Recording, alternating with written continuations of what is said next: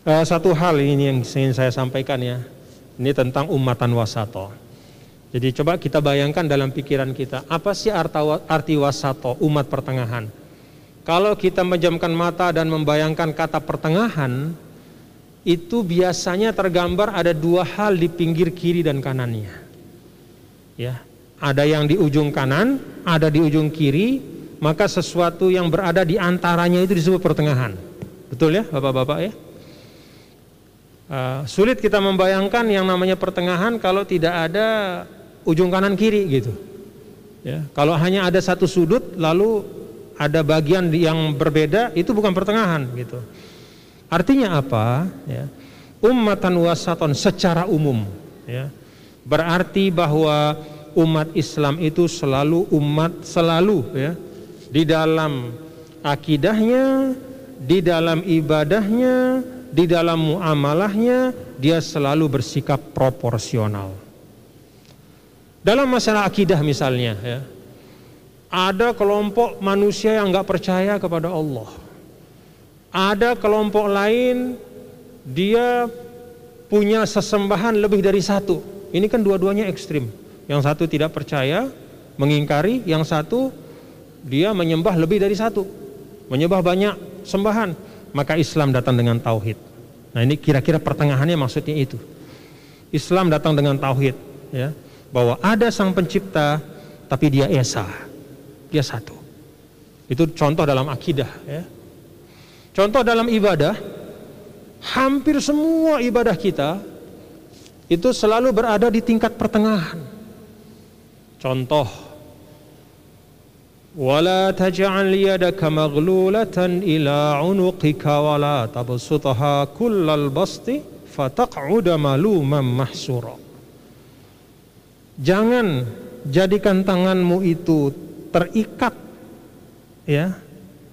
Terikat di belakang lehermu. Wala tabsurat dan jangan kamu buka selebar-lebarnya ya, maka kamu akan menyesal. Arti tangan terikat di belakang leher itu pelit. nggak mau bersedekah. Berzakat berbagi.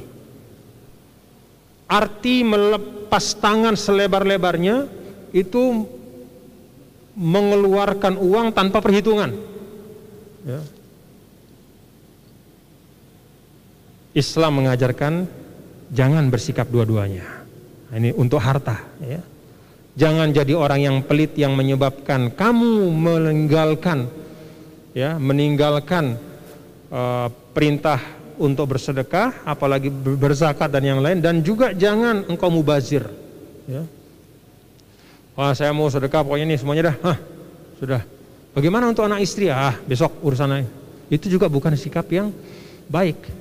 Maka Islam mengajarkan sikap pertengahan. Contoh, itu salah satu contoh. Kemudian juga di dalam ibadah sholat ya, Digambarkan bagaimana ada tiga orang dulu pada masa Rasulullah SAW yang membuat kesepakatan. Mereka ingin nyalehang istilahnya ya.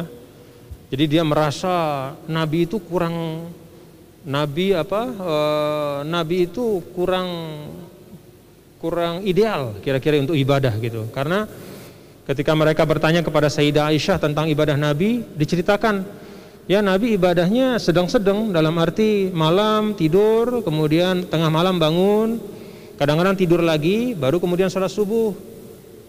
Kemudian puasanya juga selang-seling, hari ini puasa, besok enggak, ya. Ya tergantung kesehatan beliau dan kelapangan, keluangan. Nah tiga orang ini kemudian menganggap wah ini nggak ideal nih gitu. Akhirnya mereka sepakat, yang satu mengatakan pokoknya saya mulai besok puasa terus, nggak ada hari tanpa puasa.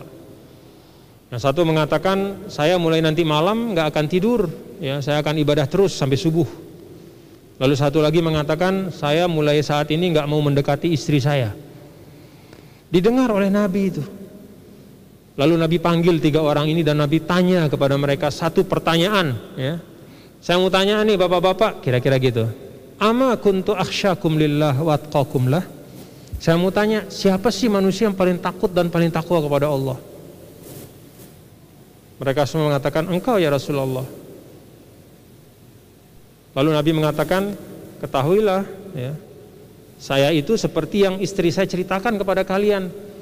Malam saya tidur, istirahat, tengah malam saya bangun, sholat, kalau saya masih ngantuk lagi ya saya tidur lagi, lalu saya bangun subuh, atau kalau saya kuat ya saya sampai subuh.